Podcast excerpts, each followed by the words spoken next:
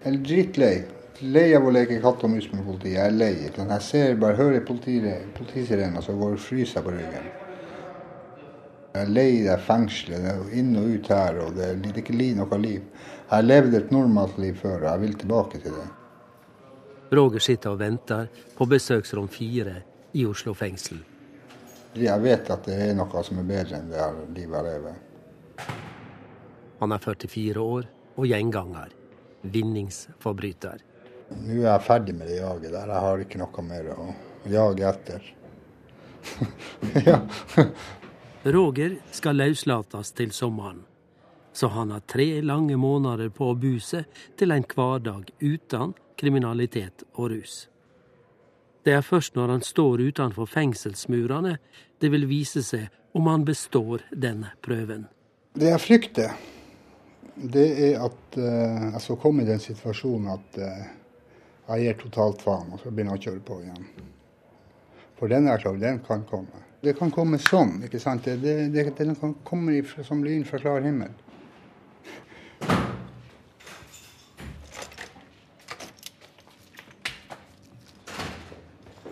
Roger sier rett ut til meg Robert, dette er en 50-50% sjanse. Jeg vet ikke hvordan det går når jeg kommer ut. Robert er på vei inn i fengselet for å besøke Roger. Han besøker Roger hver tirsdag. Roger er en sånn utrolig sårbar person og veldig sånn impulsstyrt. Og i den grad han klarer å senke skuldrene litt og puste litt med maven og gi seg litt tid, så har jeg tro på at dette her vil gå bra. Men eh, hvis han, eh, når han kommer ut, hvis han i det hele tatt tillater seg å begynne å røyke hasj og, og tror at man kan drikke alkohol og så ta seg litt amfetamin i ny og ne, så er nok det løpet kjørt. Robert er fadder det vil Si at han har besøkt Roger fast siden januar. Han skal også være støtte for Roger når han slipper ut av fengselet i juni. Når Roger vakler mellom dette her eh, tidligere eh, helt frie, ansvarsfrie eh, nytelseslivet som ga spenning og som ga kick til den trøtte A4-siden, å fungere, det å oppleve at folk blir avhengig av deg i en jobbsituasjon, det er skremmende til å begynne med. For du merker jo med det at noe av det gamle går tapt. Hei! Hallo. Jeg skal stikke. Det. Det er bra. For godt du kom, for jeg lå for duppa. Har du ikke kommet, så jeg lå og sov helt til langt utpå ettermiddagen. Så har jeg vært grinete som faen i ettermiddagen. Jeg har ikke fått sove i natt. Ja. Overhodet ikke. Nei. Du ser litt trist ut om dagen. Nei, jeg har akkurat sovet. Du har sovet, ja. Beklager, er det bare det, da. Robert er fadder i Veibekk, en frivillig organisasjon av tidligere kriminelle rusmisbrukere som prøver å hjelpe innsatte før og etter de slipper ut av fengselet. Jeg gjør alt jeg kan. Jeg er tilslutta Veibekk. Jeg går på jobb hver dag. Jeg er positiv. Jeg prøver alt jeg kan. De bruker ting mot meg som har skjedd for tre-fire år siden. De gir meg ikke muligheten å få vise engang at jeg vil noe. Jeg vil leve et annet liv. Jeg vil det. Roger prøver å innstille seg på å leve et nytt liv uten kriminalitet og rus. Men hva skal til for at han skal klare det? Det er vanskelig for en som har gått inn og ut av fengselet de siste elleve åra. For åtte av ti innsatte havner bak murene igjen etter endt soning. Forhåpninga å ha et arbeid jeg trives med, at jeg lever et normalt liv som jeg trives med. Jeg er ikke interessert i å gå og søke å leve på sosialtrygd. Overhodet ikke. Jeg skal ha i et arbeid som jeg tjener penger sjøl. Jeg er avhengig av å ha et hjem der jeg trives og som er bra. Og har folk rundt meg som jeg trives i lag med. Så ja. Men, men, men, men Roger Du er levende bevis på det at det er nyttig. Ja, men jeg håper å si Du og jeg kunne nok lett ha byttet plass. For det handler veldig mye om tilfeldigheter. Ja, ja, ja. Hadde ikke jeg fått eh, for det første den rusbehandlingen jeg trengte, og hadde jeg ikke fått det når jeg var liksom moden for å ta den, så hadde jeg ikke sittet her. Uh, og jeg fikk Husker da jeg var sånn rundt 20 år og litt oppover, sånn, så følte jeg fortsatt at jeg kunne mestre dette her. Og at det var spennende, og, og jeg opplevde nye, nye ting hele tiden. Robert er 52 år, tidligere narkoman og kriminell. Og, og, det livet jeg hadde, var så veldig mye spennende og, og, hadde så mye mer å tilby. Men etter hvert så ble det jo sånn at jeg faktisk misunte mennesker som hadde et A4-liv. Som hadde noe å gå til. Som kunne gjøre litt nytte for seg hver dag. Så jeg opplevde etter hvert at jeg misunte disse menneskene som sto og vasket bilen sin på lørdag formiddag eller på lørdag ettermiddag, og som hadde husvask eh, hver lørdag og, og gikk turer på søndagen. og skulle ønske at jeg kunne få den type liv, da. Altså jeg hadde, hadde opplevd den type greier når jeg var liten, og visste egentlig hvor godt det var. Vi prates. Jeg tenkte jeg kommer inn og snakker med deg uka også. Ja. Robert må videre til andre innsatte han er fadder for. Men da kan jeg prøve å ligge der på ettermiddagen, da. Så det, bare, det passer uansett. Jeg er nå her. Ok, ja. Mm. Greit, vi, Ja, vi prates. Den er grei. Ja, ha det. Yep. Ja.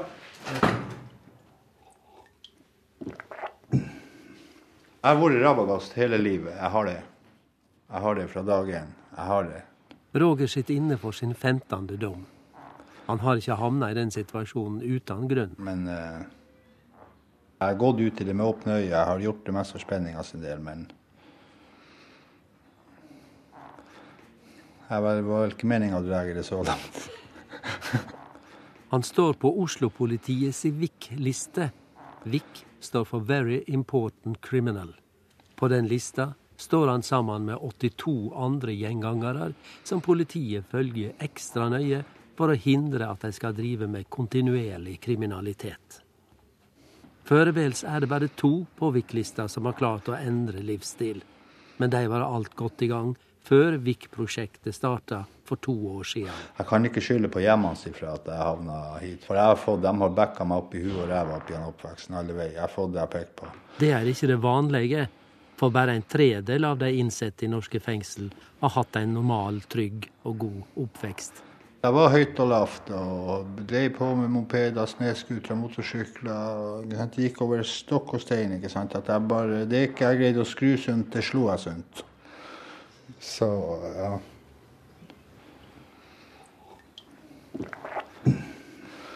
Jeg husker jeg var guttunge, jeg var fem-seks-syv år hørte om somrene når folk klippet plen. ikke sant? Hørte en, en plenklipper som dura. ikke sant? Gikk jeg etter lyden og fant der og han sto og så var jeg om jeg kunne få klippe plen.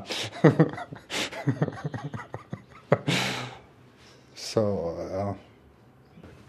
Jeg hadde jo eh, lese- og skrivevansker. Jeg gidda jo skolen, det gidda jeg ikke å gå på. Jeg var på skolen, men jeg, jeg lærte ikke en dritt der. Ikke en dritt.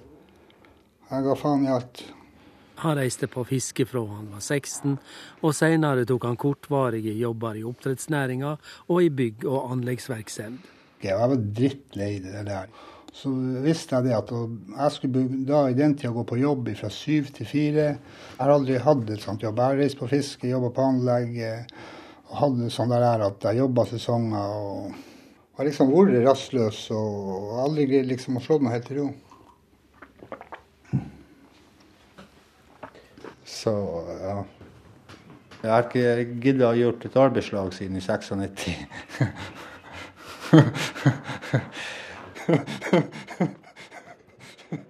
Fra det året har Roger vært flere dager innenfor fengselsmurene enn utenfor. De fleste dommene gjelder bilbrukstyveri og kjøring uten sertifikat, flere biljakter, ofte kombinert med inntak av hasj og amfetamin, men også helleri og vold mot offentlig tjenestemann. Du har sittet noen år? Ja, jeg har sittet noen år, ja. Mm. Neste tirsdag er Robert på besøk hos Roger igjen. Det er faktisk lenge siden nå. Nå begynner Det det er 18 år siden nå. Jeg sitter i fengsel. Robert har klart den vanskelige overgangen til et nytt liv. Jeg har fire søsken, mor og far. Um, hatt det veldig sånn eh, trygt og godt. Kanskje altfor trygt og godt, men uh, veldig tidlig i mitt liv så ble det veldig klart at, at, jeg hadde en sånn uro i kroppen, det som i dag heter ADHD. Robert har holdt seg unna kriminalitet og narkotika i sju år. Jeg kunne ikke gå, altså jeg måtte helst løpe, jeg måtte helst være i aktivitet. Og så var det sånn at eh, hvis det var ting som var forbudt å gjøre, så, så måtte jeg bare bort på det og rote. Jeg var nok veldig vanskelig som barn, men vi bodde jo på landet. og hadde jo hele naturen, altså Guds natur, som tumleplass. Og det, det gikk, jo, gikk, jo, veldig greit helt til denne ulykken. 10 000 blir løslatne fra norske fengsel hvert år. Flesteparten av dem har verken arbeid eller egen bolig å gå til. Og, det er, og det, For meg er det eh, rart at folk kan gå gjennom hele livet og bli definert som et problem. Um, og den dagen de dør, så er det ingen som har sett Roger. Altså Roger har de ikke sett, men de har haugevis med, med, masse problemer ja. som han har stelt i stand. Ja. Det Og masse diagnoser og flotte ting å si om det. Ja. Men hvis de, de, får i oppgave å fortelle hvem Roger var, og hva han likte, og hvem egentlig Roger var, så, så, vil de kanskje ikke klare å skrive det på et, uh, et frimerke engang. Nei. Jeg kjenner jo han Robert. Han, han eh, visste jeg jo ikke han var før han, da han var ute på, med sin kriminelle løpebane. Han pusha jo masse, og det var bare kriminalitet. Han greier å hoppe av det der, og så ser hva han Robert er nå i dag. Da er det håp, ikke sant. Da, da, da viser det bare at det, det er opp til deg sjøl. Robert er den samme Robert.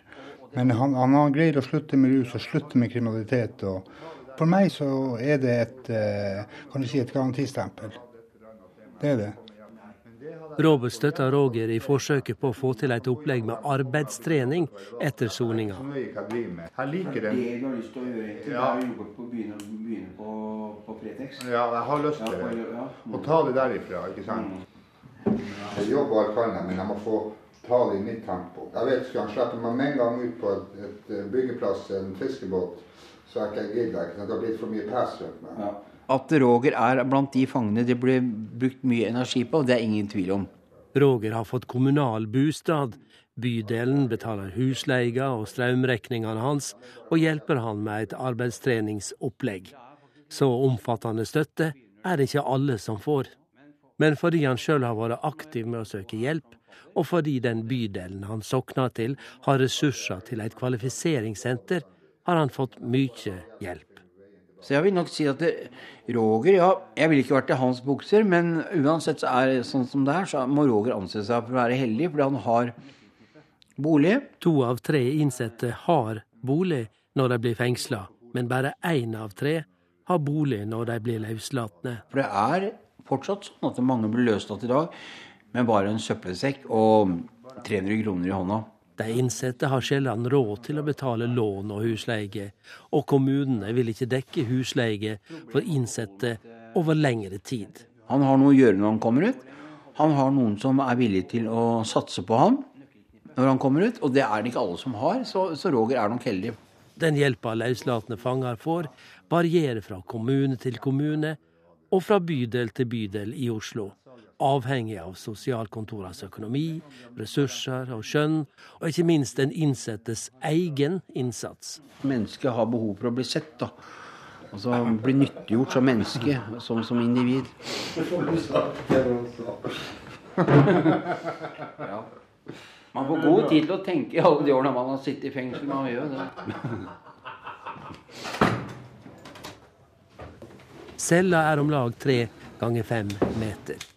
Gule murvegger med et gittervindu langt opp på veggen, ei seng, et lite skrivebord, en stol, en krakk, en vask, ei tavle med et bilde av Aylar og gjest Bårdsen. Ei hylle med tomme sigarettesker sirlig stabla etter hverandre. Har ikke noe annet å samle på. Roger har sona sammenhengende i snart ti måneder nå. Det er to og en halv måned til han slipper ut. Du blir avstumpa i hodet av å sitte her. Her slipper du å tenke. Her slipper du å gjøre Her kan du bare sitte. ikke sant? Det... Nå har jeg skrudd den der eh, soningsbryteren på, så nå flyter bare. Opp om morgenen, gå på jobb, eh, inn hit og spise, og tilbake på jobb og middag. Og så, så går du ut og lufter og ned og trener. Ikke sant? Du kommer i de der rutinene, så den der dødtida om ettermiddagene og det der, det hater jeg. Bruker å sovne av her når jeg spiser middag, og så er jeg lynforbanna når jeg våkner. Må spare på søvna for å få sove ordentlig om natta.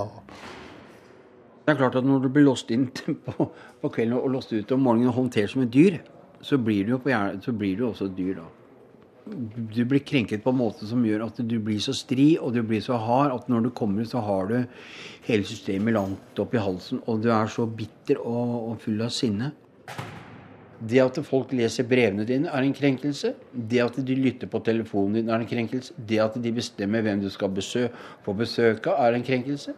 Og det at du bare får besøk 45 minutter i, uka er en uh, krenkelse. Så livet er så presset der inne sånn at um, Roger og alle de andre de må sette seg selv på hvem. Og de tør jo egentlig aldri kjenne etter hvordan de har det, for det er jo helt på jævlig. Men når man sitter på cella om kvelden, den blir låst igjen, så er det klart Jeg begynte å gråte mange ganger. Jeg da, da kunne jeg slippe opp og kjenne på hvor ille ting egentlig var. Men det var jo så godt de dagene jeg slapp å forholde meg til en fengselsbetjent der en betjent ikke hadde snakket til meg i det hele tatt. Det var for meg en god dag. Sånn som det er i fengselet nå, det er helt på trynet alt. Jeg er så glad jeg skal ut herfra nå. Men Roger, når, alt, når det er så mye sånn der, ja. det er bare mørkt og trist, da, så mm. tenker jeg liksom Det er en dag, 18. juni. Ja. Den ser vi frem til. Ja, jeg ser frem til ja. den. Men Roger har ennå to lange måneder igjen bak fengselsmurene. Nei, men jeg ser, ser frem til Roger, at ja, du slipper ut. Og jeg håper det er sånn fint vær og kan dra og bade litt og, ja. og sånne ting. Men du vet jo det selv. Eh, det er, første dagen er jo slitsom, da. Ja, det hadde jeg tenkt meg. Når jeg kom meg i gjeng, mm. ikke sant? kom jeg i, gjeng og så mm. bare få noen dager fri og reise mm. hjem en tur til Alta. Og, ja. Det var ålreit, Den første dommen som jeg ble dømt for, det var forsøk på forsikringssvindel, og det var oppi alt. Jeg lurte en kompis av meg til å vrake bilen hans. Og så var det vel eh, legemisbruk Jeg, jeg banka en kar oppi alt. Jeg beit nesen av han. Men eh, Jeg har aldri vært voldelig av meg. Aldri. Har, ja, du beit jo nesen av en kar. Ja, men det hadde, han, det hadde han godt av. Roger har aldri blitt testa, men det er mye som tyder på at han har ADHD. Han har i alle fall de vanlige symptomene. Et eller annet må det være, for det er jo ikke normalt å være så plutselig helt oppe og så helt i bånn igjen. Om lag en tredel av de innsatte i norske fengsel har ADHD. Folk som kjenner meg, som sier det er så skummelt med meg at uh, det er aldri noe forvarsel. De ser ikke når jeg blir kjent. Plutselig så det bare bang. Som en av de siste gangene han var i retten og hadde Norges første muslimske kvinnelige politijurist som aktor. Hun fulgte meg i seks måneder. Hver gang det var fremtidsmøte, så satt hun der. Hun provoserte og provoserte og provoserte og provoserte. Jeg var det monsteret. ikke sant? Jeg skulle vært låst inn for alltid og kasta nøkkelen. Kjørte over meg helt. Og så tenkte jeg hvordan i alle dager skal jeg få stoppa kjeften på henne. For, eh, for eh, enten går vannkaraffel netto eller jeg henvendte meg til dommeren og så sier jeg til han at eh, jeg som nordmann finner meg ikke i å stå i en norsk rettssal, og den muslimfitta der skal, skal dømme, være med å dømme meg. Det godtar jeg ikke. Og da, da tok hun til tårene og ble stilt til rettssalen og stoppa. Da tenkte jeg uff, det var bra. Jeg, jeg tenkte ikke konsekvensene da. Dermed var det fire ekstra måneder i fengsel for Roger. Første, første bildommen jeg fikk, så ble jeg dømt for 87 biler.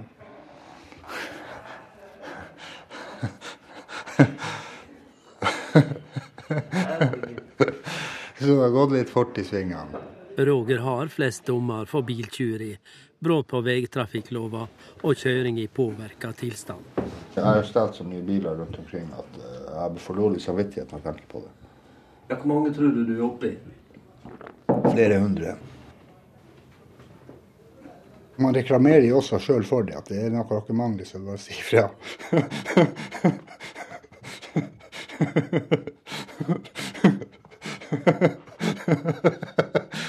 ja, men det er helt ikke sant at det, du eh, Man må flire når man tenker tilbake. Det er så, det er så gærent at det, det men uh, Jeg har solgt unna mye, men ikke sant at det som tiltalene som står der, det er jo bare egentlig toppen av isfjellet.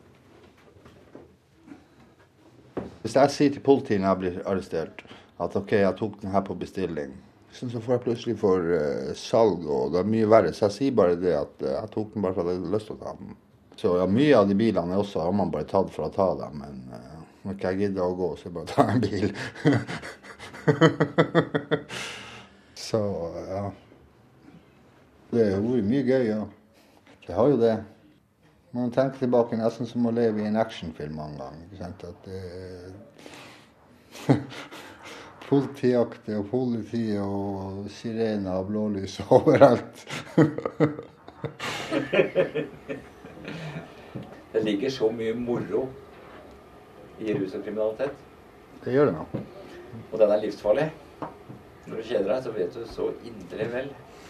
Hva skal du gjøre for å ha det gøy? Det er fremdeles en og en halv måned til Roger slipper ut. Robert har kalla inn til ansvarsgruppemøte i fengselet med alle som har ansvar for at Roger skal klare overgangen til livet utenfor fengselsmurene. Sosialtjenester, Kvalifiseringssenteret, Oslo fengsel og Robert. Akkurat når det gjelder den rusbiten der, så tror jeg jeg har jeg tror jeg har jeg vil ha kontroll over den sjøl. Men det er jo ikke for ingenting da, at vi har institusjon på institusjon Nei, det er ikke det. Prøver å tenke Roger er skeptisk til terapi mot rusmisbruk. Ta det som en utfordring, tenker jeg. Ta det som en mann.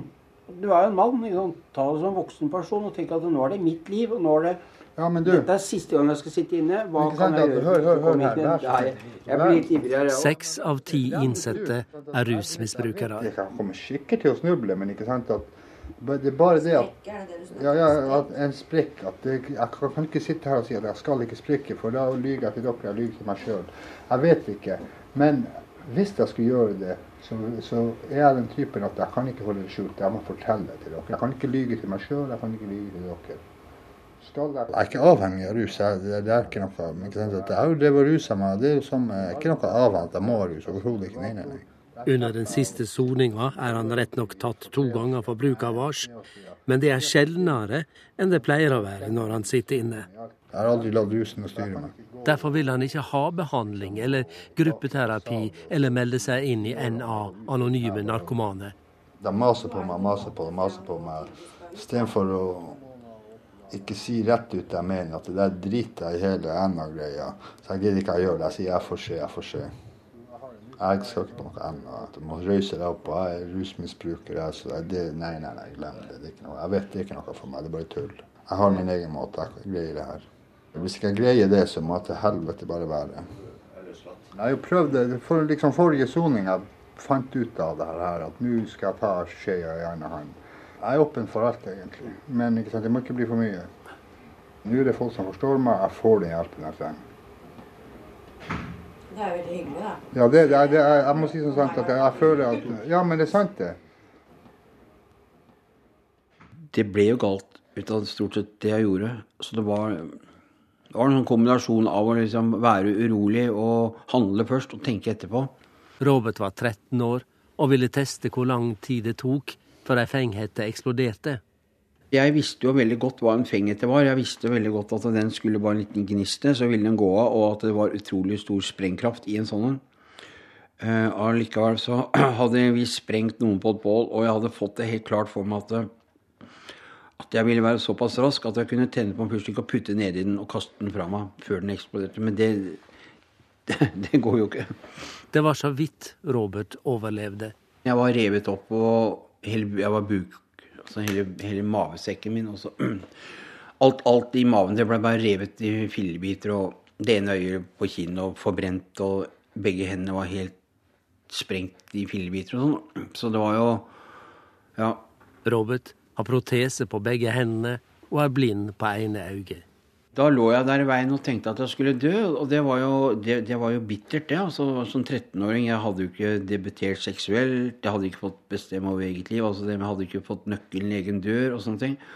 Og da følte jeg det helt meningsløst. Og så kom moren min og begynte å snakke om Gud og sånn. Og da husker jeg sa til henne at det var ikke noe Gud. Det var jeg temmelig klar på. Altså, frykten for å dø den var ikke så stor, men den derre eh, forbannelsen over at det skulle være en kjærlig Gud som skulle ta fra meg livet akkurat til det jeg liksom var i ferd med å tre inn i voksenlivet, det fiksa jeg veldig dårlig. Det, det syns jeg var urettferdig. Utgangen på det var at jeg beholdt livet, men jeg fikk også med meg smaken på morfin som 13-åring. Og det gjorde at jeg begynte å, å ruse meg. Og har flykta i det gjennom eh, mesteparten av mitt liv, i, i lange og korte perioder. Robert har elleve dommer bak seg og er hovedsakelig dømt for kjøp og salg av narkotika, men også for innbrudd og et tilfelle av vold. Jeg var en tung misbruker og måtte finansiere rusmisbruket mitt deretter. Så det, sånn er det. Mm. Jeg begynte å røyke hasj. så der begynte jeg å røyke da jeg var 16-17 år. Så når jeg begynte å bli, Første gang jeg var borti amfetamin, jeg var kanskje rundt 20 år. Roger mener at en av grunnene til at han har brukt amfetamin, kan være at det reduserer ADHD-symptomer. Så jeg tar meg en liten teskje i kaffekoppen, så da liksom eh, Da stabiliserer jeg. Da blir jeg rolig, og da liksom, da samler jeg meg. Så ikke sant at det blir jo lettvint at du kjenner at du er trøtt. Og nei, så tar du bare en teskje ned i posen, og så oppi kaffekoppen min, og så ned med den. Ikke sant? Og da så er du våken igjen. ikke sant? Da er du i form igjen. ikke sant? Så merker du at du begynner å bli trøtt, ikke sant? og da bare tar du i dobbelt så stor dose. altså Bare oppi koppen med han igjen. Men ikke sant? så blir det det misbruket. At du går og da bare øker på. ikke sant? Så går du flere dager, uker. ikke sant? Og til slutt så blir det jo bare bare kål av alt til slutt. Men uh, det har vært jævla gøy. Bare kunne gjøre akkurat hva faen du vil. Bare drit i alt. ja, bare ta en bil bare for å ta den og kjøre til du får politijakt og ha det gøy. Og så bare passe på at du tar en bil som du kjører fra politiet med. Men du kan ikke ha noen uh, tunge dager innimellom, eller hva? Ja, klart. Du, tunge dager, det har du. Men det har du uansett. Men da er det bare å gi på en ny dose, og så ja, ja, det har vært det òg. Først og fremst så tror jeg at Roger må ta et oppgjør med, med sin holdning til rusmidler før han egentlig kanskje kan gå litt videre. Så jeg, jeg frykter, jo, frykter, jo, for at um, hvis han tar seg en sprøyte amfetamin når han kommer ut, så, så, ser ikke jeg han noe mer. Da er nok han over alle hauger, og det, sånne ting kan skje veldig fort. Altså, Jeg kan ikke gå ned på byen og kjøpe meg et skudd heroin og gå hjem og sette det og, og tro at jeg kan liksom gå på jobben dagen etterpå. For den, den jobben er ikke interessant den da. Og alt det Roger har gjort nå, er jo rusrelatert. Altså, han har ikke blitt tatt for kjøring av disse syklene og sånt nå fordi at han var edru. Du setter deg ikke opp på en stjålet motorsykkel når du er nykter, og kjører en tur med den. Så det, kriminaliteten og rusen tror jeg henger nøye sammen hos Roger. En gang iblant så tror jeg ikke det er skadelig. Hvis det skulle skje at jeg tok det en gang til, det er at man havner i et lystig lag. Man gjør det for det gøy. Men jeg får håpe, skulle det skje, at ikke det lystige laget blir varer over måneder og år. ja, da var jeg klar. Ja, jeg bare ordner med lappen. Eh, ja. Roger har fått framstilling. Det vil si at han sammen med en fengselsbetjent får en dag på seg til å besøke Veibekk, der han skal jobbe litt de to første månedene etter løslatinga. Det blir kult. Vi gjør det. Han har mindre enn én en måned igjen av soningstida. Fire uker igjen akkurat i dag. Og i dag er det akkurat et år siden jeg ble løslatt sist.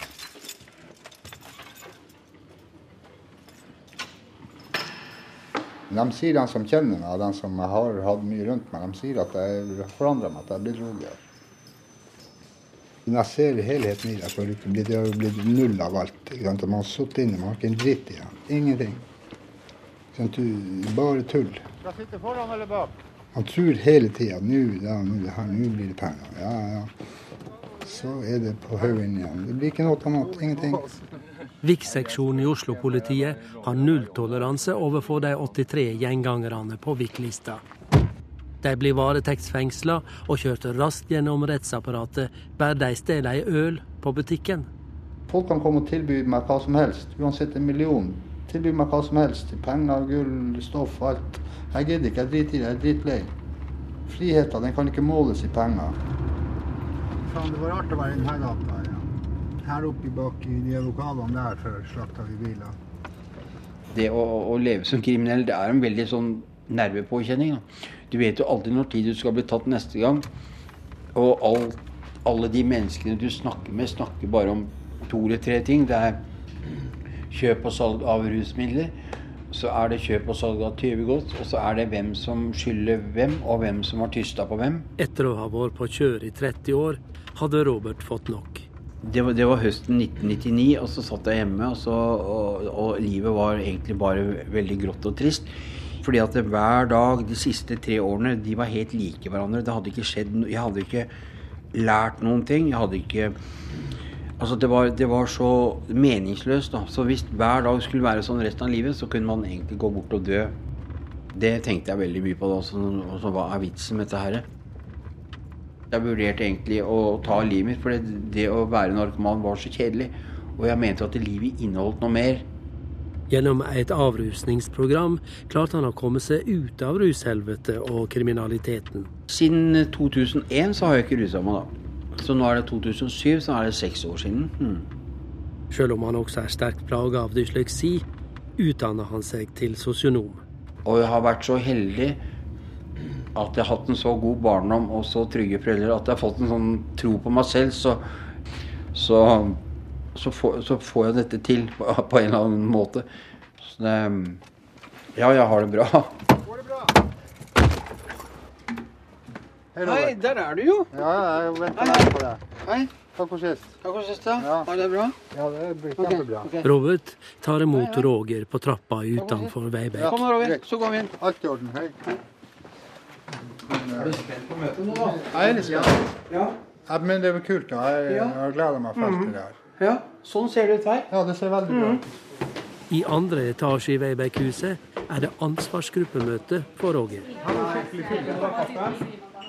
Jeg tar gjerne en kopp kaffe. Her var jo jævla fint.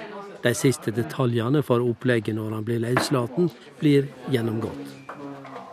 Det, jeg har snakka med han om et opplegg her, ja. hvordan de tenker og sånn, og ja. da, hva du skal gjøre og en del sånne ting. Jeg er redd, jeg er kanskje litt redd for å tabbe meg ut. Sist han var på frifot, gikk det ikke så bra. Sånn som, eh, sånn som motorsykkelturen, det var jo egentlig dust av meg. Det var ikke noe jeg hadde ikke planlagt å gjøre noe kriminelt. Ingenting. Jeg bare prøvde den sykkelen, og jeg visste jo den var stjålet. Så jeg, det var bare en sånn uten mål og mening. Det var for et år siden. Han hadde fått seg leilighet, hadde ordna avtaler med sosialtjenester og kvalifiseringssenteret. Det var til og med dagen før han skulle begynne i arbeidstrening. Og alt gikk greit. Jeg hadde fulgt opp til punkt og prikke alt. Men så sto altså den sykkelen der, rett utenfor der han bodde. Eh den Ducati 900 Monster, det, er en sånn mer sånn gateracer. Bare med masse lyd og ingen fart. Tenkte jeg det at om morgenen at jeg skal bare prøve en tur. Og ut av byen bar det. Jeg tenkte på politiet, men jeg tenkte sånn mandagsmorgen, stille, lite trafikk, det går greit. Men i Asker hadde politiet veikontroll. Jeg tenkte at OK, nå Vik-lista, alt. Eneste måte har å komme unna på, det å stikke. De har ikke sjanse, de noe meg aldri. Men jeg fikk ikke mer enn 230 på meg sykkelen, og de kjørte politibilen og tok meg igjen. Og dermed var det rett inn igjen med sju måneders straff. Men, men, jeg kan ikke dvele med det der, for da blir jeg bare sint. Men du må nok regne med at dette her med å komme ut i arbeid, at det vil ta litt tid? Ja, ja. Jeg ser for meg det som et langt løp. Ja. Kvalifiseringssenteret har lagt opp til et program for Roger etter soninga. Først et par måneders arbeid på Veibekk, der han skal møte tre ganger i veka. Deretter veivalgkurs på Fretex, der han i fase to etter tre veker skal inn i regulært arbeid.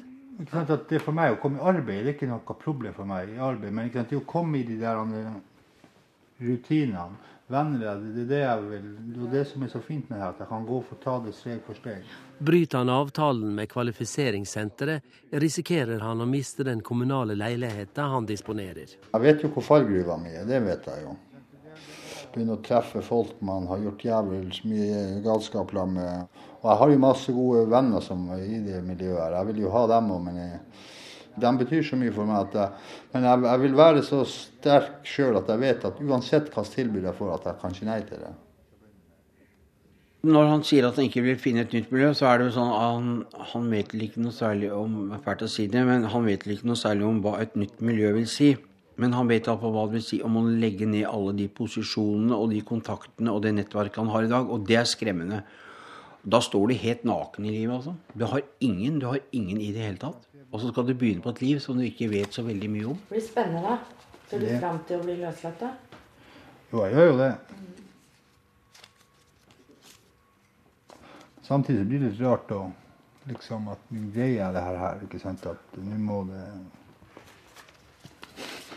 Ja, det er jo det. Det er ikke lenge til natten nå, da. Nei, da er det 12-14 Det er dager. 13 dager. 13 dager. Det er 50 dager. Ja. 50 dager, er- ja.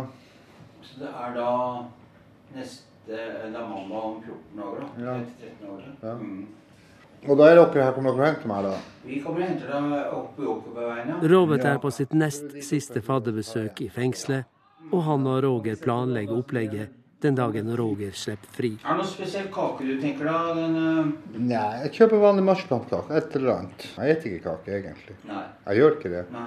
Jeg kan heller ta, ta is. Det blir ikke så greit. Hvordan ser du for deg første uka, Roger? Jeg tror det går greit. Ja. Mm. Jeg tror det. Jeg har en bra mannefølelse. Jeg har det. Ja, greit, Roger. Ja, vi prates. Den er grei. Ja, ha det. Jepp. Det er bare tull, tull å, å planlegge noe stort, stort og sånn og sånn. Men eh, jeg skal reise hjem til Alta en tur. Det skal jeg gjøre. Hver gang jeg ringer hjem, så sitter jeg inne. ikke sant? Så jeg, jeg tenkte å ta nå når jeg kommer ut og får orden og reise oppover. Hvor lenge siden du Ja, det er jo faen meg ti-elleve år siden. Hvordan blir det å komme opp igjen dit? Det blir sikkert rart. Det blir det. Jeg vet jo hva jeg drev på med. Men ikke sant? jeg står for det jeg har gjort. og Jeg, jeg kan ikke gå og skjemmes over det. Jeg gjør ikke det. Jeg har sona for det jeg har gjort. Jeg håper det kan føre til at, at Roger finner ro og fred med, med familien sin når han drar oppover etter sommeren. Eh, Det å begå kriminalitet eh, Sånn som Roger har det i dag, så har ikke han noe annet valg enn, å se dette her som egne frie, frie handlinger, og at enten så får familien take it og leave it. Det vil nok bli for mye om han også skal ta inn over seg all den skam og skyld og krenkelse som han har påført de aller nærmeste i tillegg til at han skal sone straff og forsøke å begynne et nytt liv. Og så skal han ta det inn over seg samtidig, så blir det for mye å balle med. Roger er en av 10 000 som slipper ut av norske fengsel i løpet av et år. Jeg tror at det, alle de besøkene jeg har hatt til Roger i fengselet, og alle de ansvarsgruppene jeg har vært med i forhold til han, alle de telefonene, mailene og sted, det er verdt noe. Uansett hvordan det går med folk etter de eh, blir løslatt, så er det verdt noe. En norsk fange koster samfunnet 550 000 i året. Gjennomsnittsutgiftene samfunnet har på en kriminell narkotikamisbruker, er 680 000 i året.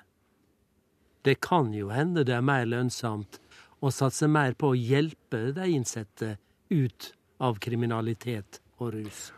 Og det er klart at hvis man sitter der og er kyniker, så sier man nei, her må vi bare sette en strek. Så, så tar man egentlig livet av folk. Og det har, har man ikke lov til å gjøre. Hvis ikke folk er villige til å ta folk på alvor, og la de få prøve seg og feile, så hvordan skal det gå da, da? Tenker kanskje vi kan få til en badetur eller noe om uka, da, hvis det blir pent vær. Jo.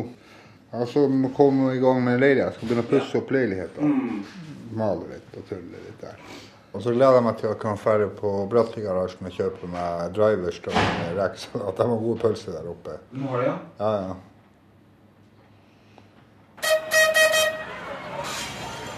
Jeg syns det ble så mye jag nå. Og så plutselig var dagen der. Den dagen Roger skulle starte på sitt nye liv som fri mann. Det gikk ikke helt som planlagt. Helvete, alt går på skeis. Jeg blir satan så forbanna. Han ble løslatt en time før han skulle, så ingen fra Veibeck kunne hente ham. Nei, i dag er alt gått på skeisa som kan få gått godt. Det ble ingen bløtkake eller is på Veibeck, for Rover måtte i all hast ta seg av en annen klient. Jeg syns det ble bare kaos. Frem og tilbake og hit og dit. Derimot var det kaffe og kjeks i all hast på en fortauskafé. En del kake. Ei kross på taket. tak. Pengene fra sosialkontoret var ikke kommet inn på Rogers konto. Det er det samme jaget. De kommer, de forlanger av deg ditt og datt og ditt. Så det er dem i de første som ikke greier å følge opp. Det er den første som ikke holder ord. Ja, det er Det er dem. Ikke fikk han kjøpt maling til oppussing av leiligheten. Se der, der kommer onkel og henter oss. Ikke fikk han nøklene til leiligheten sin da han til slutt dro hjem. For ei venninne som skulle levere dem, var opptatt med å stelle neglene sine på en manikyrsalong. Og plutselig så er du ute i samfunnet der folk løper over gata, biler tuter, og, og så føler du på en måte at alle kan se på deg at du har sittet inne. Ja, angsten ligger jo langt utenpå. Og for meg så var det sånn, jeg husker jeg tok bilen min og så kjørte opp i skogen og satt der hele dagen. Til det liksom begynte å bli så mørkt. Da Så da var det å kjøre ned til en jeg kjente, så var det om å få i seg noen stimuli. For dette fiksa ikke jeg. Kan, kan ikke vi avslutte det opptaket nå? Nå begynner jeg å bli lei. Ja, Har du det bra? Ja, jeg har det bra. Du, jeg ser at ikke du har det bra, men Jo, eh, jeg har det bra, men det blir så mye jag i dag. ja, ja. Men ta og ring meg i ettermiddag, og uansett hva det er for noe, så ringer du bare. Og Roger ringte ofte til Robert. Men det ble aldri noe ut av arbeidet på Veibekk, og heller ikke noen tur til Alta.